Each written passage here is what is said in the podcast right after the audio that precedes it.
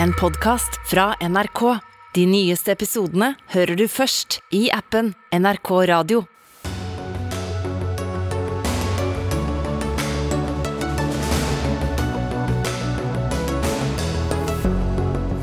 At eh, USAs utenriksminister og forsvarsminister kan ta toget til Kyiv for å møte Ukrainas eh, president, er ren ydmykelse av Russland og Vladimir Putin, sier tidligere forsvarssjef.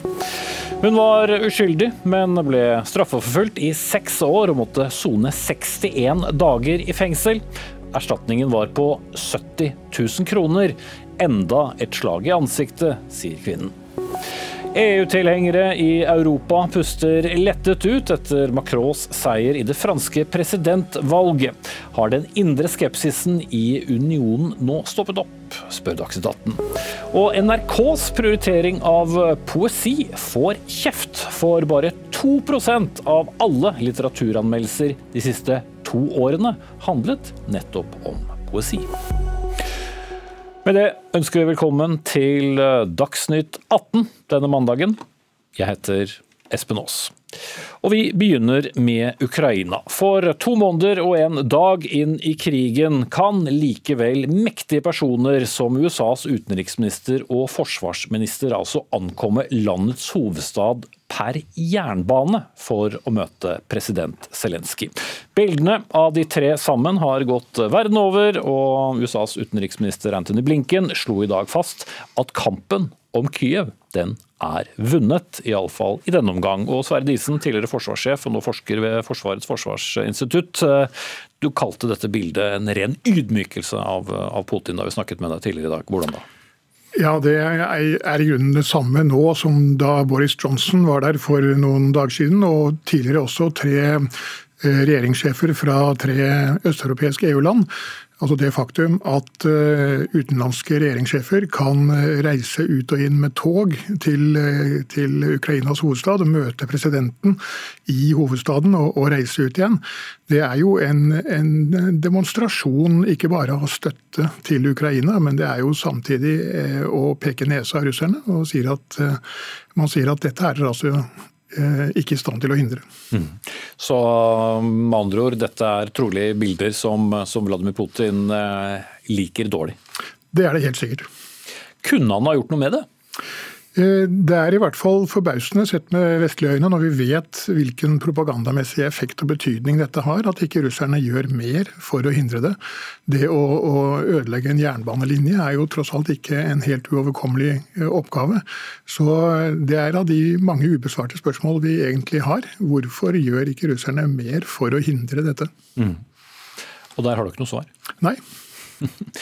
Eh, Blinken sa jo også selv at bare det å se ut vinduet eh, og se folk i gatene forteller litt den samme historien som du sier, at kampen om Kyiv er vunnet. Eh, men vi snakker nå om to måneder av en krig ingen vet enden på. Det er kanskje litt tidlig å konkludere? Det er det nok. Og det er allikevel, tror jeg, Eh, riktig å si at eh, kampen om Kiev er vunnet eh, på, på, kort sikt, og i denne omgang. For det første fordi russerne trenger alle de styrkene de har tilgjengelig i Ukraina for å gjennomføre den operasjonen de nå er i gang med i, i Donbass og langs Svartehavskysten. Men også tror jeg fordi dersom de hadde hatt til hensikt å å gjenoppta offensiven mot eh, Kiev eh, i, eh, på rimelig si, kort sikt, så hadde de ikke trukket seg så langt tilbake som de nå faktisk har gjort. Da hadde de prøvd å, å beholde noe mer av det territoriet de tross alt tok kontroll over, som et, en utgangsstilling og et, et, utgangspunkt for et fornyet angrep på Kiev. Mm. Men eh, situasjonen er annerledes andre steder. Vi skal til Ukraina nå, for eh, vår reporter Eirik Veum og fotograf Lokman Gurbani har reist til landet nå eh, i flere dager. Og dere har nå vært i byen Kramatorsk, som da er en by om lag tre mil fra russiske artilleristillinger. Hva møtte dere der, Eirik Veum? Det var en by nesten uten mennesker. Og det var en by helt uten barn.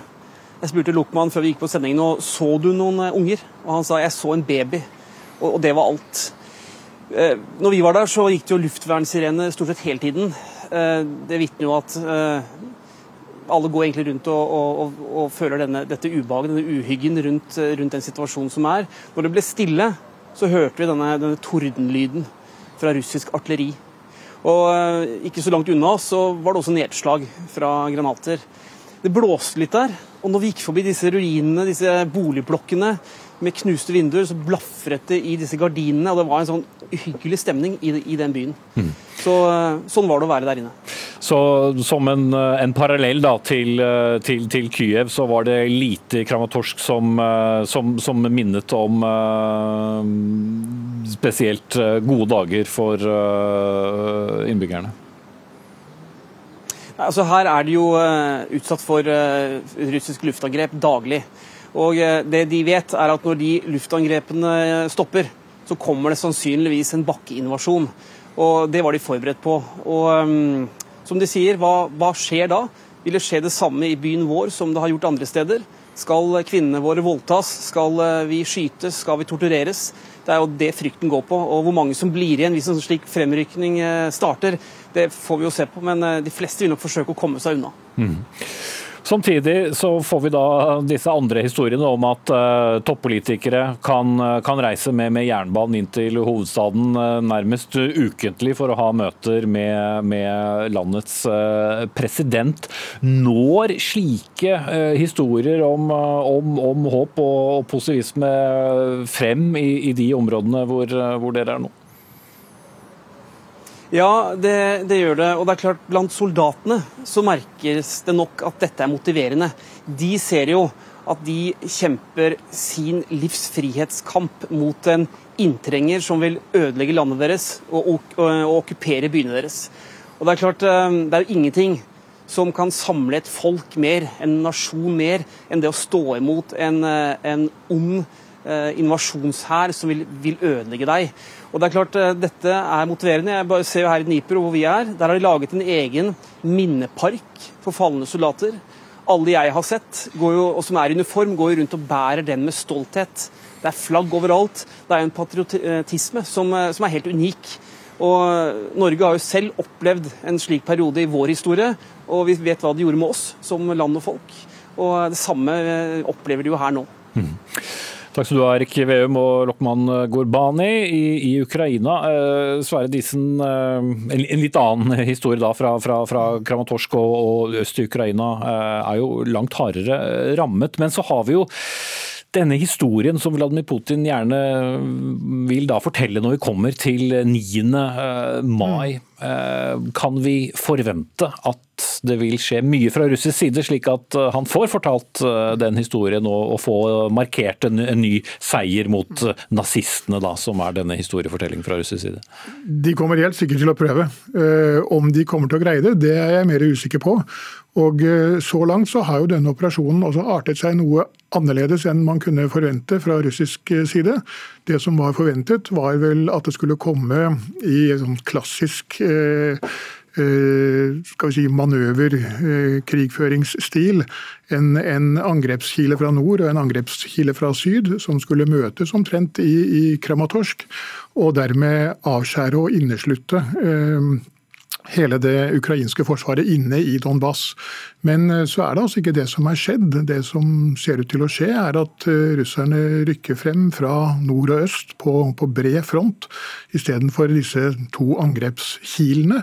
Eh, og sakte og metodisk så prøver de altså å ta landsby for landsby, by for by en kraftig artilleriforberedelse først, og så kommer infanteriet og stridsvognene.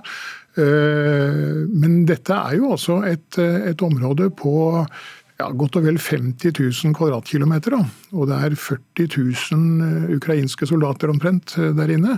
Så om de greier dette til 9. mai, det er jeg mer usikker på. Og selv om dette er et område som er lett lettere å operere i for russerne enn Kiev-området var, så, så, gjenstår det å se om, om russerne faktisk har forbedret uh, sin operasjons... Uh, sin, sin, taktikk og teknikk tilstrekkelig. Mm. Takk skal du ha, Sverre Disen, tidligere forsvarssjef og nå forsker ved Forsvarets, Forsvarets institutt.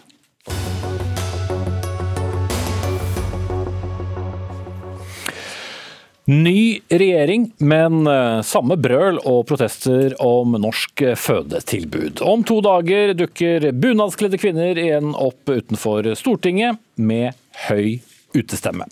Budskapet er stadig bedre svangerskaps-, fødsels- og barselsomsorg, og som med støtte i dag eh, på spalteplass i eh, Klassekampen, stortingsrepresentant og nestleder i Rødt, Marie Sneve Martinussen. Men skal man rope seg til uh, ny politikk, eller skal den endres på innsiden? Altså Hvis det er det som trengs, så gjør jeg gjerne det og kommer til å være med på det. Eh, min tekst i Klassekampen i dag spilte på dette fødselsbrølet som jeg tror enhver som har vært i nærheten av fødsel har fått med seg, at på et tidspunkt der så er det både banning og brøling. Og Sånn har det nok vært i alle tider, men de siste, ja, siste tiåret kanskje, så har man opplevd en nedbygging av barsel- og eh, fødepolitikken i Norge.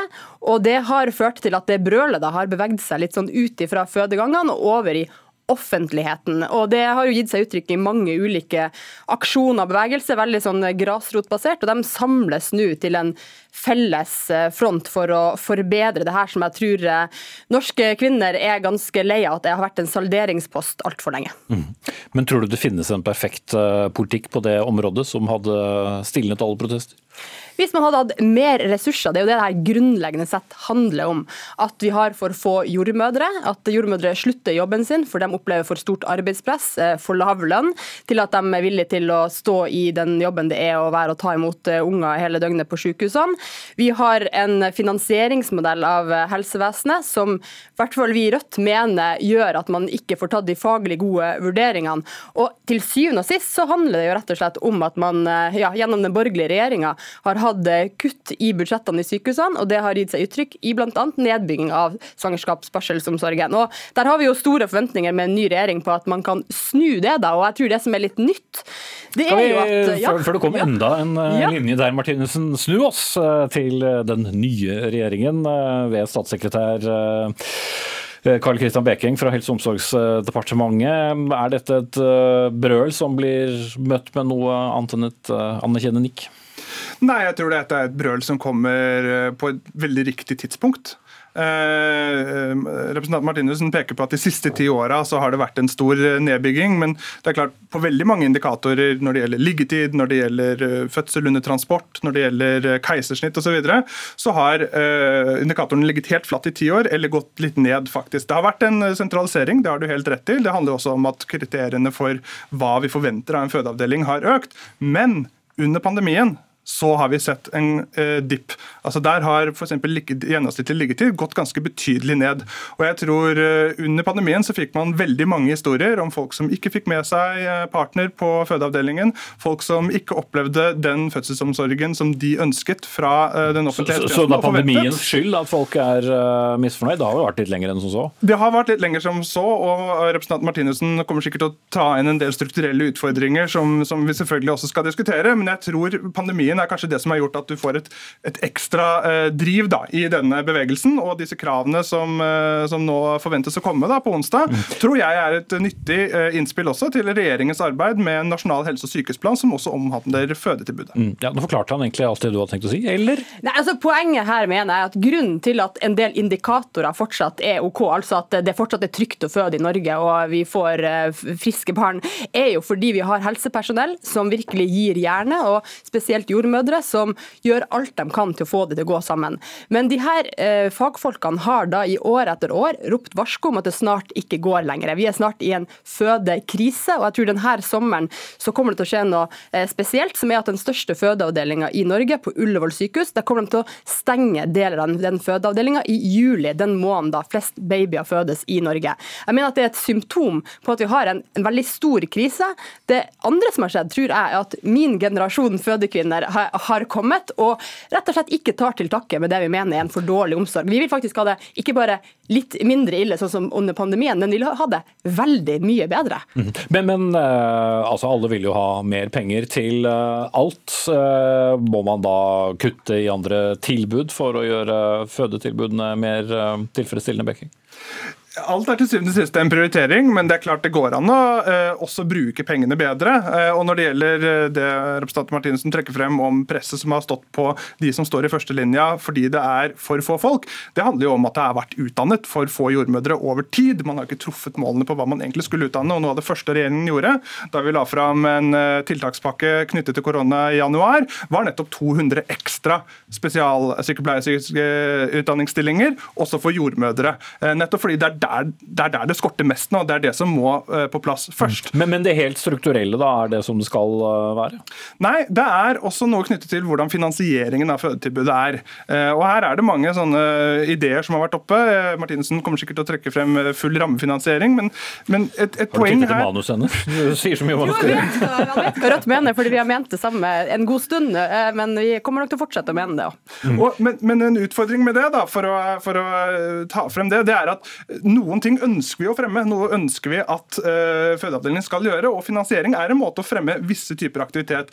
Noe ønsker vi også at skal være likt i hele landet. og Det å legge finansiering på det gjør at du får et likt tilbud også i hele landet. Mm. Men det siste, som jeg tror kanskje, uh, hvis jeg får smette inn, er knyttet til at det, det, det, må være mulig å vri dette til et bedre tilbud, også strukturelt. Altså Mye av de utfordringene som også har kommet frem, handler om at du får ikke den sammenhengende uh, forløpet fra graviditet til svangerskap via fødeavdeling fødeavdelingen til barseltiden. Og det å kunne se på hvordan vi bruker uh, helsepersonell og jordmødre mellom tjenesten på en bedre måte, og en finansiering okay. som understøtter det, det tror jeg er. Ja, Som et eventuelt innlegg. Eh, Martinussen.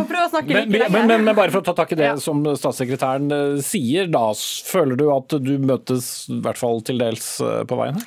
Nei, jeg synes at Den kriseforståelsen den synes jeg mangler litt. og Det er jo sånn det er sånn type i klimakrisa. Man må først være enig om at det er en krise, så kan man prøve å løse den. Det er 1,5 millioner kvinner i Norge som har opplevd å føde barn.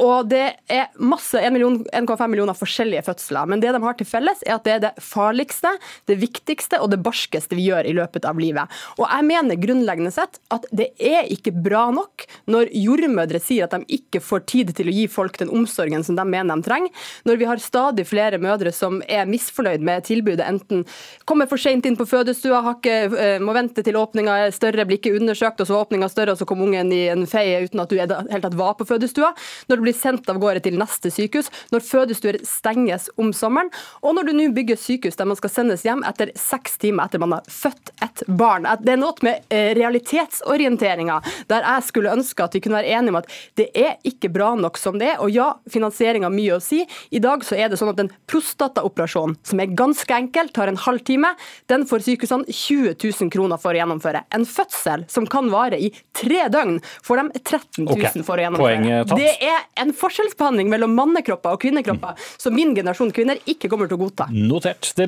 brøles i hvert fall på onsdag, og da brøles det uten både epidural og lystgass. Karl Kristian Bekking, statssekretær Helse- og omsorgsdepartementet fra Arbeiderpartiet, og Marie Sneve Martinussen, nestleder og stortingsrepresentant i Rødt.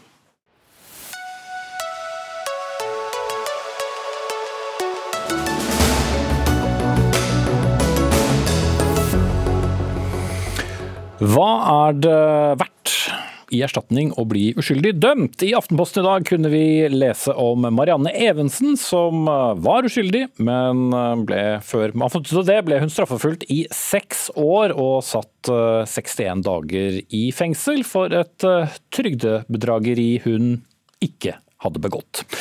I disse dager fastsetter staten som vi vet erstatningen til mange Nav-ofre. Og du Marianne Evensen fikk eh, altså 70 000 i erstatning for eh, tort og svie i ditt uh, tilfelle. Hvis vi spoler tilbake til dagen da du så dette beløpet, hva var det første du tenkte? Det første jeg tenkte var latterlig. Er det mulig? Det går ikke an å komme med, med en sånn erstatning. Eh, etter å ha vært igjennom det som jeg har vært igjennom, og mange andre med meg. Mm. Hva burde er, eh, ha stått på brevet? Hva sa du? Hvilket beløp burde ha stått? Jeg har ikke lyst til å gå ut med beløp i og med at vi har en stevning til, til, retten på gang. Men det burde vært i hvert fall et par nuller til bak der. Mm. Du er også uhelbredelig eh, kreftsyk, og du ble altså, eh, som jeg sa innledningsvis, feilaktig anklaget, eh, sammen med mange andre, for trygdebedrageri. Du har likevel nå valgt å bruke tid på din egen sak, og hjelper også andre som nestleder i denne Nav-opprydningsaksjonen. Hvorfor bruker du det som vi vel må kunne kalle din tilmålte tid på dette? Simpelthen fordi jeg ønsker å bidra til at alle som er berørt av denne skandalen, får den oppreisningen de faktisk fortjener. Eh, altså, det er så mange, det er over 60 000 som er mer eller mindre berørt av skandalen. Og Det mener jeg det er verdt å bruke tid på, også for å sørge for at dette aldri skjer igjen. Mm. Vi har invitert arbeids- og inkluderingsminister Martin Mjøs Persen fra Arbeiderpartiet. Hun ønsket ikke å stille i studio denne saken, heller ingen andre fra politisk ledelse. Men Kristina Kjevre, du er avdelingsdirektør i det som heter Statens sivilrettsforvaltning, som da beregner disse erstatningene. Ehm, hvorfor er 70 000 riktig erstatning når man straffefullt i, i seks år og må sone over to måneder i fengsel? Hvordan beregner man det, er vel det jeg lurer på. Ja. I dette tilfellet her så er det jo helt åpenbart at her har Evensen vært utsatt for en stor urett ved at hun har da blitt straffeforfulgt, hun har blitt eh, uriktig domfelt og har måttet sone en fengselsstraff. Eh, dette er en systemsvikt som er veldig alvorlig, så det er helt klart at her skal vi utmåle, eller her har vi utmålt en oppreisning. Mm. Oppreisning i norsk rett det, det baserer seg på et veldig sånn nøkternt nivå. Eh, vi vurderer oppreisningsbeløpet ut ifra rettspraksis eh, og også forvaltningspraksis, som kan gi noen føringer for det. Vi skal ha et eh, likebehandlingsperspektiv, så klart, når vi skal utmåle disse, disse sakene. Så i dette tilfellet så har vi sett på praksis på området. Vi har sett på den systemsvikten som ligger til grunn, og også den urettmessige domfellelsen og soningen, og har da kommet til 70 000 kroner. Mm. Ifølge Aftenposten så godtar dere ikke at straffeforfølging og fengsling har forverret eh, Evensens helse. Eh, hva er det da erstatningen er erstatning for? Eh, erstatningen, eller oppreisningen, den skal jo være en anerkjennelse for den uretten som er begått. Så det er, jo en, er jo en kompensasjon som skal se hen til, til altså den systemsvikten, som sagt, og også de, eh, det at hun har måttet sone og blitt uriktig dømt. Sånn det er jo noen sider ved selve straffesaken som den skal dekke. Eh, og så skal den også se hen til den subjektive virkning som, som straffesaken da har vært for den enkelte. Mm, men, men det er ikke gått utover helsen? I, i Evensen, Evensens tilfelle så, så, har vi i vedtak også skrevet at vi ser at det har vært en, en påkjenning. Det, det, er helt klart. Men vi kan ikke se at det er dokumentert at det er en forverring i den medisinske helsetilstanden som mm. følge av straffeforfølgingen. Roy Artheid, du er Marianne Evensens eh, advokat og har flere andre Nav-ofre som klienter i, i, den store runden som nå eh, pågår. Eh, hva ved denne erstatningen er det du særlig vil gå til kamp for? Ja, Vi vil da hevde at beløp som er tilkjent er vesentlig for lavt når det ses hen til eh, den si, personlige påkjenningen saken har vært for Evensen. At det faktum at straffeforfølgningen har vart i om lag fem år, eh, og at det har tatt lang tid eh, fra myndighetene ble oppmerksomme på feilen og fram til Evensen ble frikjent, samt at dette her dreier seg som vi har hørt om en alvorlig omfattende systemsvikt som, som mangler sidestykke. Eh, det var også slik at Påtalemyndigheten innstilte på eh, at Evensen skulle få mellom 75 og 90 000 i oppreisningserstatning, men så registrerer vi jo at eh, Statens sivilrettsforvaltning har fastsatt beløpet noe lavere.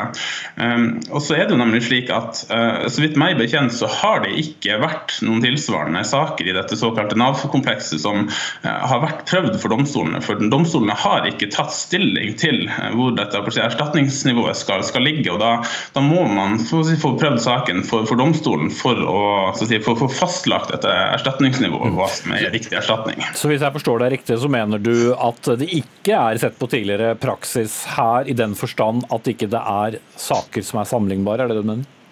Her må vi skille mellom forvaltningspraksis og eh, rettspraksis, altså praksis fra domstolene, tidligere rettsavgjørelser. og Det jeg opplever at man gir uttrykk for, er jo på en måte at eh, det første rekke foreligger altså forvaltningspraksis, altså Statens sivilrettsforvaltning sin egen praksis som man har vektlagt. og Det er jo selvfølgelig ut fra likebehandlingshensyn at man må se hen til egen praksis. Mm. Bare kommentar på det, Kjell. Ja, Det er helt riktig at dette er den første saken som hvor vi har fått varslet at det vil bli et søksmål. Så vi har ikke, vi har ikke saker som gjelder den, uh, altså hvor man har vært straffeforfulgt for uriktig praktisering etter EØS-regelverket uh, ennå. det vi har sett hen til, det er jo da andre type sakskompleks hvor det har vært en gjenåpning av en straffesak, og hvor man har blitt frifunnet etter å ha sonet. Og Der er det et veldig variert spenn eh, i forhold til hvor lengden på soning f.eks., hvor lang tid det har gått også til man blir frifunnet etter gjenåpning. Og Jeg er helt enig i det at her har det gått, en, det har gått lang tid før man har fått denne frifinnelsen. og Det har også vært viktig for oss i Statens sivilrettsforvaltning å prioritere saksbehandlingen av disse sakene, så de i hvert fall ikke skal måtte vente lenger på erstatning. Men dere la dere da i absolutt nederste sjikt, ut fra det som Arteid refererer til på mellom 75 og 90, som var oppe i retten? Ja, altså Det er nok ikke det nederste nederste sjiktet hvis du ser på oppreisningsbeløp i et litt større perspektiv. Vi har utmalt en oppreisning som vi mente at var riktig ut ifra den retts- og forvaltningspraksisen som vi har per i dag. Og så er det jo også slik som, som de er inne på her, at uh, dette kan tas til retten, og så vil vi da få en prøving av det, uh, av det oppreisningsbeløpet, for da vil retten da ta stilling til dette. Og når vi får en domstolsavgjørelse, så vil vi også se på den og vurdere de, de kommende sakene så klart i lys av den rettspraksis som da kommer. Mm. Og nettopp kommende saker blir jo essensielt her, da, Roy Arteid, at denne, som, som den første saken, vil sette eh, en standard? Absolutt. Ehm, og, og, og det, det, vil nok også avhenge av hvor langt opp i rettssystemet man får. Vi kan si det som en, en tommelfingerregel. så det er slik at eh, Lagmannsrettsavgjørelser har større si, vekt enn avgjørelse fra tingretten. Og si, høyesterettsavgjørelser har jo si, såkalte presedensvirkninger. Får på en måte presidens, særlig presedens for senere saker. Vi skal følge med på denne saken. Takk skal dere ha alle tre. Roy Arteid, advokat i advokatfirmaet Fari. Eh, Kristina Kjeverud, avdelingsdirektør i Statens sivilrettsforvaltning. Og Marianne Evensen selv.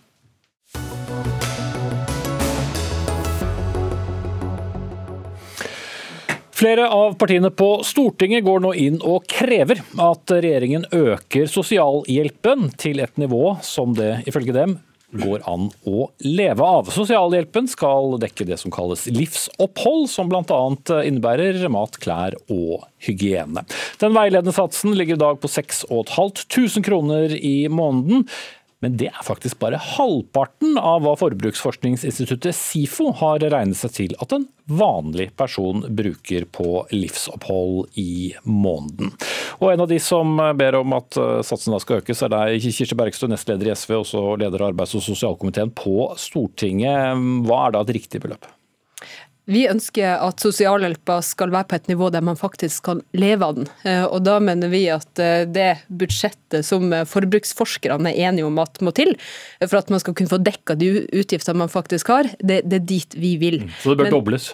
Eh, det bør økes frem til det er på, på det som, som er liksom SIFO-budsjett. Men det her må jo skje gradvis. Så det vi har tatt til orde for, er jo at man bør Eh, ha en 10 økning, eh, og sørge for eh, at det økes sånn at folk faktisk kan leve av sosialhjelpa. For nå har alt blitt dyrere.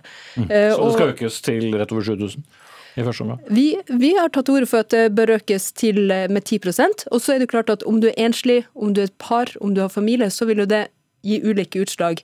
Men i tillegg til å øke satsene, så mener vi også at de veiledende satsene de må bli bindende. sånn at man ikke Men hvis vi bare holder oss til det, da. Eh, det er jo veldig mange som eh, får eh, denne formen for, for trygd. Hvordan skal det finansieres? Det må jo skje gjennom omfordeling. Eh, at eh, vi rett og slett investerer i at dem som har lite, eh, skal få litt mer å leve av. Og det er nødvendig for at man skal slippe det evinnelige stresset det er med å ha lite. Husk at sosialhjelp det er noe du får for en kort periode. Det er for å komme over en økonomisk men, men, men konkret hvor det skal omfordeles fordeles fra, har dere noe svar på? Altså, Vi mener jo at man bør øke skattene for de som har mest, for å gi mer velferd til folk flest. Eh, Og sosialhjelpa, det vil litt økning i den vil ha veldig mye å si i varme måltider, i mindre stress, i det å faktisk kunne klare seg for dem som trenger den. Så her er veldig nødvendig for å få Mottatt. ned forskjellene. Arbeids- og inkluderingsministeren hadde ikke anledning til å delta i denne debatten heller, men Torbjørn Vereide, stortingsrepresentant fra Arbeiderpartiet, også medlem av arbeids- og sosialkomiteen. eh, Du skal få lov til å, å svare det ut. Eh, Bør den økes? Vi kan jo begynne med å si at eh, den gjennomsnittlige utbetalinga per måned i 2020, det var rett opp under 10 000 kroner. Men det gjør ikke all verden for alle de som lå langt under det, skal sies. Jeg Men, men er da svaret ja eller nei? Altså, jeg, har, jeg har veldig stor forståelse for at eh, det her er krevende. Jeg har sjøl vært i eh, perioder i livet der jeg har vært eh, så fattig at jeg har vært redd for å åpne regninger redd og bekymra for morgendagen. Men det viktigste for vår del, fra Arbeiderpartiet sin og for regjeringa sin del, det er jo ikke å prøve å flikke på hundrelappene i økonomisk sosialhjelp. Det er jo å få folk ut av den ordninga. Og det har vi heldigvis, da, takk for støtta forresten til det, eh, ordna delvis opp i nå. Så da trenger vi ikke å gjøre noe med det? Med å skrote dette her karensåret som høyresida eh, innførte med ei stemme overvekt, der de kasta en hel masse folk fra arbeidsavklaring over i økonomisk sosialhjelp. Sånn at Jo, men i at man har gått ned på det året, betyr vel ikke at du sitter igjen med noe mer i måneden hvis du allerede er på sosialhjelp? Jo, fordi det er veldig mange som nå kommer seg ut av det og inn igjen på arbeidsavklaring, fordi vi har gjort akkurat det grepet. Og det er en politisk prioritering. Hvor mye mer har du å rutte med da, hvis du går fra den ene ordningen til den andre? Betydelig mer. Betydelig mer. Og i, i et valg så er det det som er viktig for oss. Bergstø. Altså, Vi har jo styrka velferdsordningene, eh, og det er jeg stolt for. Vi forandrer eh, samfunnet eh, og gjør Norge mer rettferdig. Men det betyr ikke at dem som må søke om økonomisk sosialhjelp for å få endene til å møtes, har mer å leve av. I noen plasser har de det. Bergen f.eks., der vi har klart å presse opp nivået. Det er ikke flere som mottar økonomisk sosialhjelp, eh, men dem som gjør det, eh, har muligheten til å faktisk leve av det. Så her er jo spørsmål hva skal eh, dem som eh, ikke har andre muligheter, som jo økonomisk sosialhjelp er til for, hvor mye skal man ha å leve av? Og når vi ser at prisene går opp på mat, på drivstoff, på, eh, på eh, strøm osv., ja, så er det nødvendig å også gjøre noe med det som er livsoppholdssatsene for dem som har aller minst. Fikk Men hvorfor er da, uh, hvorfor er da den satsen riktig medisin, og, og til og med kanskje attpåtil doble den? Er det, er det slik flere folk skal uh, heller være i aktivitet? det er viktig å huske på at folk søker ikke om økonomisk sosialhjelp fordi de har dårlig arbeidsmoral, men fordi de har dårlig råd. Og det er lettere uh, å få eh, kommet ut i, eh, i jobb eh, hvis du har eh, faktisk hodet over vannet. Men, men mens begynner dere da i feil ende i. Arbeiderpartiet? Jeg mener Vi begynner i riktig ende. Altså, når, man, når man har vokst opp med å se halvparten av vennene sine måtte bli igjen når man drar på SFO, bli igjen når man drar på fotballtrening, bli igjen når man drar på aktiviteter, så forstår man alvoret i fattigdom og barnefattigdom. Men når og, og tro meg, jeg er motivert for å gjøre alle mulige tiltak vi kan for å få folk ut av den fattigdommen. Men ikke det, nødvendigvis øke det? men det må mer til enn å flikke på hundrelapper. Men én ting som jeg lurer litt på Jo, det, men hva, det- hva hva er svaret til de som syns da at eh, 6500 er lite som en, en, en veiledende sats? For alle de som er der mer enn en helt midlertidig, så er de på feil ordning. Vi, skal, vi må få dem ut på en mer stabil og tryggere ordning. Det skal være vårt mantra, og det er det vi skal levere på. Men det som SV ikke sier, det er at selv om de nå proklamerer at dette her er noe de skal gjøre, så er det sånn at eh, når jeg har lest budsjettene til SV, så har de ikke lagt inn dette her i sine budsjetter. De gjorde ikke det, ikke engang i sitt eget budsjett, der de kunne bestemme alt. Så ikke engang der prioriterte de dette her. Så jeg lurer jo litt på om det er dekning for å gjøre det her. For jeg, jeg kunne gjerne si Ikke, ikke flere spørsmål, la Ja. svare. Det er det dekning, for det er vårt program er veldig tydelig. Vi ønsker gradvis opptrapping eh, til eh, noe man faktisk kan leve av. og Det er jo det som er spørsmålet nå. Nå er vi i en helt ekstraordinær situasjon med økte priser. og Da er jo spørsmålet vil regjeringa ta det inn over seg når man lager eh, revidert budsjett? For det er jo nettopp den typen justeringer man lager reviderte budsjetter for. Og dem som virkelig må flikke på hundrelappene, ja det er dem som har aller minst. Og selv om vi kan eh, jobbe på for å styrke velferden og andre ordninger, sørge for godt sosialt arbeid, tett individuell oppfølging, få folk eh, i jobb, så handler jo det her om har du råd til å ha et varmt måltid om dagen eller ikke, når du faktisk har økonomisk sosial det har du sagt, og Vi må, må straks uh, runde av, men det er altså revidert budsjett. og ja, Listen på ting som bør gjøres der er eh, for så vidt lang. Står denne saken høyt opp? Vår viktigste, viktigste sak nå det har vært å skrote høyresida sitt urettferdige karensår, som kaster folk ned i fattigdom. Det var et politikersvar. Vårt, vårt største prosjekt nå det er å snu om på systemet, sørge for at flest mulig blir henta ut av økonomisk sosialhjelp, inn i tryggere ordninger. De som har helseplager, skal få stønad som hjelper det. Og de andre som trenger arbeid, de skal få muligheten til å komme ut i det. Det hørtes ut som en litt lang måte å si at det ikke sto høyt opp på listen, det ønsket fra SV. Du skal få slippe å svare en gang til. Torbjørn Væreide, stortingsrepresentant fra Arbeiderpartiet. Kirsti Bergstø, nestleder og stortingsrepresentant fra SV. Takk skal du ha.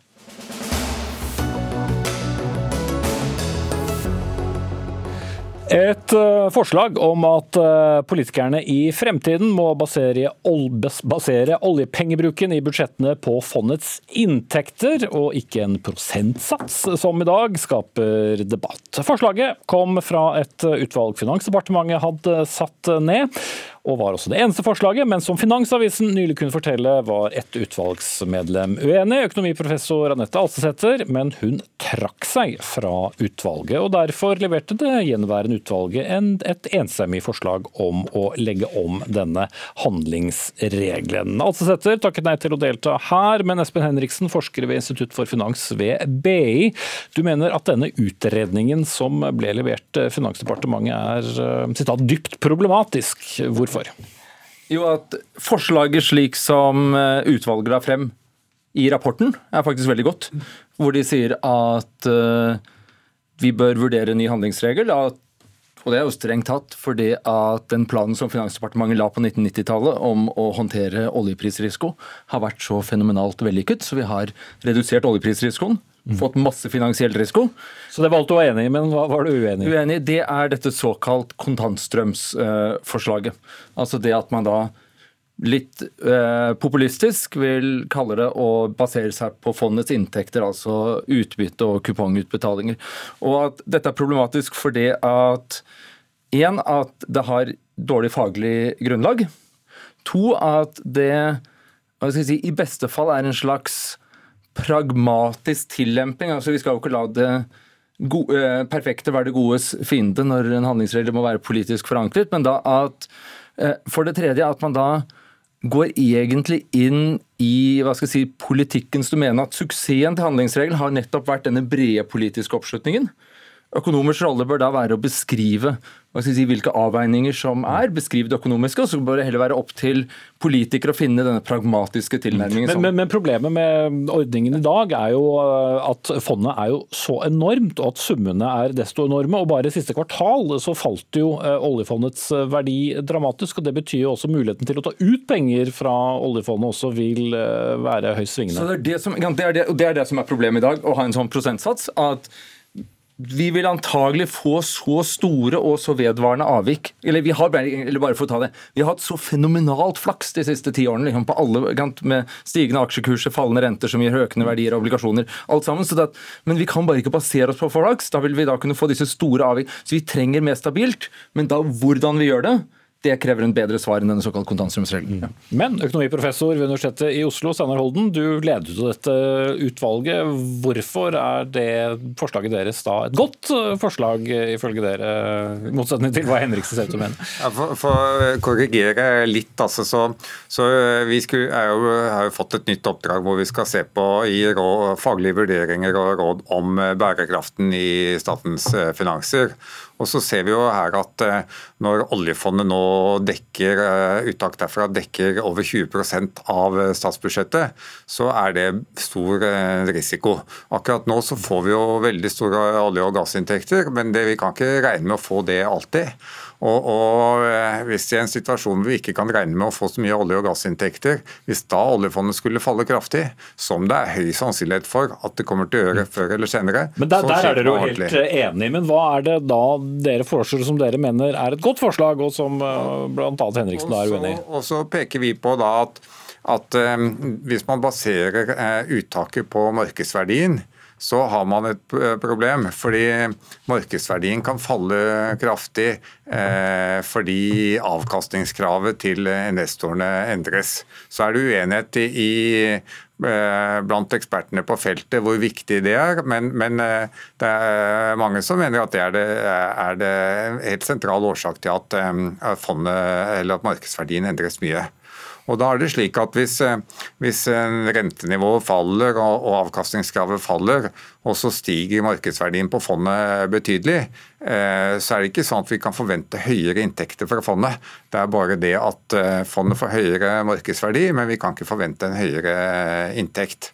Og Da er det svært uheldig om man med å ha et sånn fast prosentsats som vi nå har, at man da er det en fare for at vi kommer til å ta ut og bruke for, for mye. Mm. Og, og, igjen, der er dere vel også enige, men hva er det i ditt utvalgs forslag som uh, forhindrer dette, eller som, som, som ja, gjør dette bedre? Og så peker vi på at, at hvis man uh, baserer uttaket på et bærekraftig anslag, et anslag på, på, på inntektene, så er de eh, inntektene eh, mer stabile eh, enn en markedsverdien. Og så er det svingninger i, i, inntektene også, så man må, må gjøre et anslag på det fremover. Men det blir mer stabilt. Men så er det jo helt riktig som Espen sier her, at vi hadde jo ikke et forslag om å gå over til en kontantstrømregel. Vi peker på at eh, en kontantstrømregel har en del eh, fordeler, og så sier vi at dette er noe som burde mm. utredes. Så det beste av to bonder, nærmest? Ja, men Det som jeg tror er fryktelig, fryktelig viktig, er å huske at den finansi... Eller eh, risikoen i fondet den blir ikke noe mindre av at uttaket blir stabilt. Altså Uansett hva vi kaller det stabile uttaket, så er den finansielle risikoen, altså hvor mye det kommer til å svinge, hvor, hvor usikkert dette er på sikt, det er bestemt av det, um, referanseindeksen, altså hvor mye aksjer det er i oljefondet, hvordan de er eh, plassert, hvordan obligasjonene ser ut osv. Slik at hvis vi da Uansett hva vi kaller det, om vi kaller kontantstrøm, eller at vi bare sier at uh, bruk skal være lik bruk i fjor, f.eks., altså uansett hva som er politisk bærekraftig, så vil den risikoen vi da fjerner år for år, den vil tyte ut et annet sted. Og Da må vi ha et helt ærlig, eller beskrive dette på en god måte for politikerne. Hvordan tyter den ut? og Slik at da politikerne kan gjøre denne avveiningen mellom risiko år for år og hvor stort fondet kommer til å være på sikt. Men Er det det du mener da at utvalget ikke gjør i sitt forslag? Ja, for det, ja, for det, det ene er at, eh, som jeg sa, så at dette såkalt kontantstrømsforslaget har dårlig faglig forankring. Det vil også antagelig bety at man burde legge om investeringsstrategien hvis dette er forståelse man legger til grunn om hvordan finansmarkedet fungerer.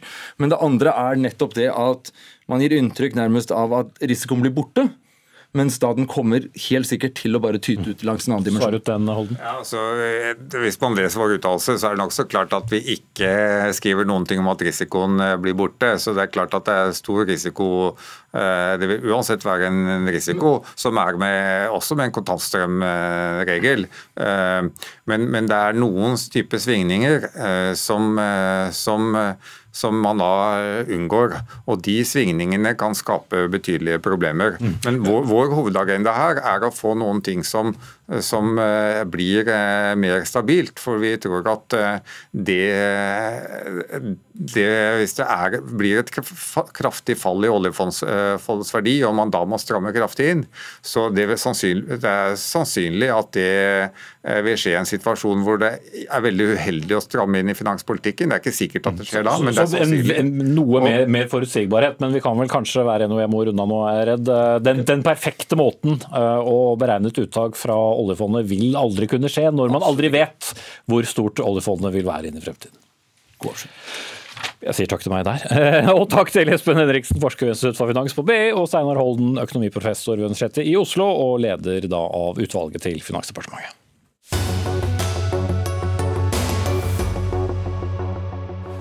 Europeisk politikk nå. For eh, mang en europeisk leder pustet nok lettet ut etter gårsdagens valgresultat i Frankrike, der det bestående besto, eller sagt med andre ord, Emmanuel Macron fortsetter som president. Hadde utfordrer Marine Le Pen vunnet, kunne Frankrike i teorien vært det neste europeiske landet som vendte Den europeiske union ryggen. Og Macron selv omtalte dette valget som et valg for eller mot Europa.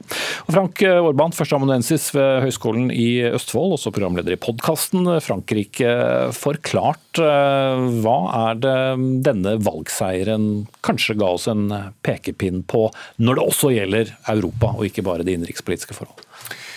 At eh, ethvert innenrikspolitisk valg har eh, utenrikspolitiske konsekvenser og konsekvens for EU-samarbeidet. Eh, og når det gjelder tunge land i EU, som et land som Frankrike, så hadde en eh, valgseier for Marine Le Pen betydd noe helt annet for EUs fremtid enn det som vil bli eh, tilfellet med Macron, som nå er gjenvalgt for fem år til. Så Det vil si at man får kontinuitet istedenfor å få et brudd. Mm. Og så har man jo aldri snakket med, med, alle velgerne, og hver velger som stemte på en annen kandidat, altså Le Pen enn en på Macron, har jo sikkert hatt eh, hver sin begrunnelse for det. Men hvor mye protest likevel mot Den europeiske union kunne vi lese ut av den andelen som hun og hennes parti uansett fikk i første og andre runde? Altså, den protesten er veldig sammensatt. ikke sant? Altså, det er både kjøpekraft, det er både stil, det politiske systemet, EU, globaliseringsprosessen. Eh, og Hvis du skal virkelig måle den protesten, så kan du ikke bare ta andre omgang av valget, du må ta første. For Da får du med også protesten fra det radikale venstre. Og For første gang i år så veide proteststemmene eh, ved første omgang av valget over halvparten av de totale stemmene. Eh, så Det sier litt egentlig om, om utfordringen for Macron fremover, som vil oppleve motstand fra både det radikale venstre og det radikale høyre. Mm. Nok å henge fingrene i innenrikspolitisk. Ket Hansen Bundt, generalsekretær i Den norske atlanterhavskomité. Men det var likevel den laveste valgdeltakelsen siden 1969. Så hvor overbevisende var eh, både hans valgseier og det at eh, mange EU-ledere kanskje nå puster litt lettet? Frank snakket om første valgomgang, og hvis vi ser på andre valgomgang, legger vi sammen de som stemte, stemte blankt, de som ikke stemte, de som satt hjemme i den store sofaen, han, og de som stemte på Marine Le Pen, så var det over 60% av stemmeberettigede. Så det er klart, Han har jo ikke noe sånn stort og komfortabelt flertall bak seg, men samtidig så skal det sies at dette fører til en kontinuitet og stabilitet. og Jeg tror det var veldig mange europeiske ledere som trakk eh, eh, ja, eh, senket skuldrene når de så eh, resultatet. Og, og, så har jo bl.a. pga. Av, eh, av krigen i, i, Ukraina også Europa samlet seg, eh, omsider vil kanskje mange si, om, om en felles sak denne gang. Men vi har jo likevel sett mye EU-skepsis og skepsis mot, mot da en, eh, en, overbygning som, som, EU siden 24.6.2016, da britene stemte seg ut, så vil det være helt rolig nå rundt det europeiske prosjektet, selv om spenningen i, i Frankrike har lagt seg? Nei, det tror jeg ikke det vil være. Det vil være stemmer internt i Frankrike og i andre land i Europa som vil stå for mer nasjonalstatlig utvikling, som ønsker isolasjon i stedet for multilateralisme, som ønsker proteksjonisme i stedet for å søke økonomiske, økonomisk samarbeid i EU. Eh, men han er jo relativt komfortabel med at han har eh, valgt for andre gang, og han skal ikke gjenvelges. Så han kan søke samarbeid med et land som jeg kjenner godt, Tyskland, i EU, og kunne få til reformer som man ikke har fått til så langt, fordi man nettopp er mer samlet enn hva man har vært på lenge. Noe som skyldes krigen i Ukraina, ikke minst. Mm. Og er det et land som er mer begeistret enn mange for EU, er jo nettopp Tyskland, og forbundskansler Olaf Scholz var den første som ringte til eh, Macron. For å gratulere ham med, med valgseieren. Uh, vil vi se Tyskland som uh, også vil være veldig sikre på at Macron også husker at han kalte dette et valg om Europas fremtid? Nå gikk Olav Scholz også ut sammen med statsministeren i Spania og Portugal før valget, det er veldig sjeldent, og trykket en oppfordring i Le Monde om at man måtte velge demokrati og samarbeid og solidaritet i Europa. Jeg tror eh, mye avhenger av om Scholz på hjemmebane klarer å levere den zeitvende, den tidsendringen som han har bebudet hjemme, om å styrke tysk eh, forsvarsevne, eh, sikkerhetspolitiske løsninger på innsiden av EU, og også om han vil videreføre den økonomiske politikken som pandemien tvang frem i Merkels siste år, ved at man klarte å ta opp felles lån i det internasjonale lånemarkedet eh, for å få til et stort fond som skulle avhjelpe de landene som var mest rammet av pandemien. Og dette er jo franske prioriteringer, så hvis de klarer å levere på dette, så kommer Macron til å gripe deres hånd. Mm. En ting, en ting, det er jo at Hvis du husker uh, talen til Macron i september 2017 Eh, hvor han snakket om behov for europeisk suverenitet i tillegg til nasjonal suverenitet. På den tiden så, eh, du vet at Det franske og tyske forhold det er en komplisert kjærlighetshistorie. Eh, og Veldig ofte så prater man forbi hverandre, men akkurat nå så er det virkelig muligheten. Altså både i Tyskland, eh, både i Paris og i Berlin så har du to regjeringer som vil mer for EU. Og så er det en komplisert utenrikspolitisk situasjon med krigen i Ukraina som gjør at europeerne eh, mer enn noensinne nå forstår eller ser hensikten eller behovet for noe som kan hete europeisk suverenitet. Det betyr rett og slett at europeerne må ta ansvar for seg selv i større grad enn før. På alle punkter. Men samtidig så vil vel mange tyskere og for så vidt også franskmenn tenke at eh, selv om deres ledere er rørende enige om at EU fortsatt er, er veien å gå, så trenger de også se noen resultater i form av f.eks. For økt kjøpekraft, da, som har eh, vært en viktig sak for veldig mange i dette valget. Ja, og det er jo, eh, Man kan kritisere populistene så mye man vil, men det er jo noe positivt ved dem òg. De, peker på problem, veldig ofte på problemer som, eh, som, de mer etablerte partiene overser.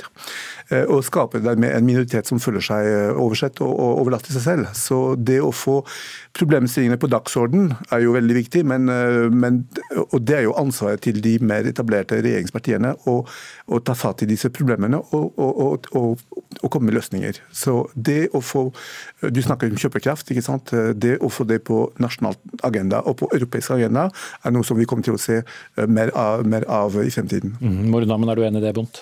Ja, økonomiske reformer for å få Europa i gang igjen etter en pandemi og nå i en krig som utfordrer matvarepriser, energipriser osv., eh, vil tvinge seg frem. Man må samarbeide for å kunne klare å løse dette fremover. Mm. Takk skal du ha, Ket Hansen Bundt, eh, generalsekretær i Den norske Atlanterhavskomité og styreleder i NUPI, og Frank Aarban, førsteamanuensis ved Høgskolen i Østfold.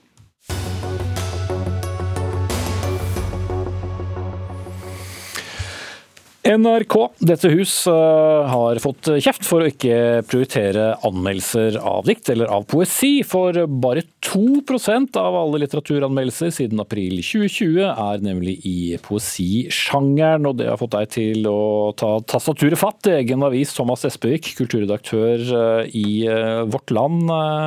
Hvorfor det? Nei, altså, Da jeg fant ut her at NRK hadde anmeldt 324 eh, bøker, og at bare syv av de var diktsamlinger, så trodde jeg at det var en glipp Eh, gjort av NRK, og at de ville være litt flaue over de tallene. Eh, så det overrasker meg en del at eh, det viser seg at det her rett og slett var bevisst. NRK valgte å nedprioritere poesien i en periode der de skulle satse på litteraturkritikk og få det til å fungere på nett.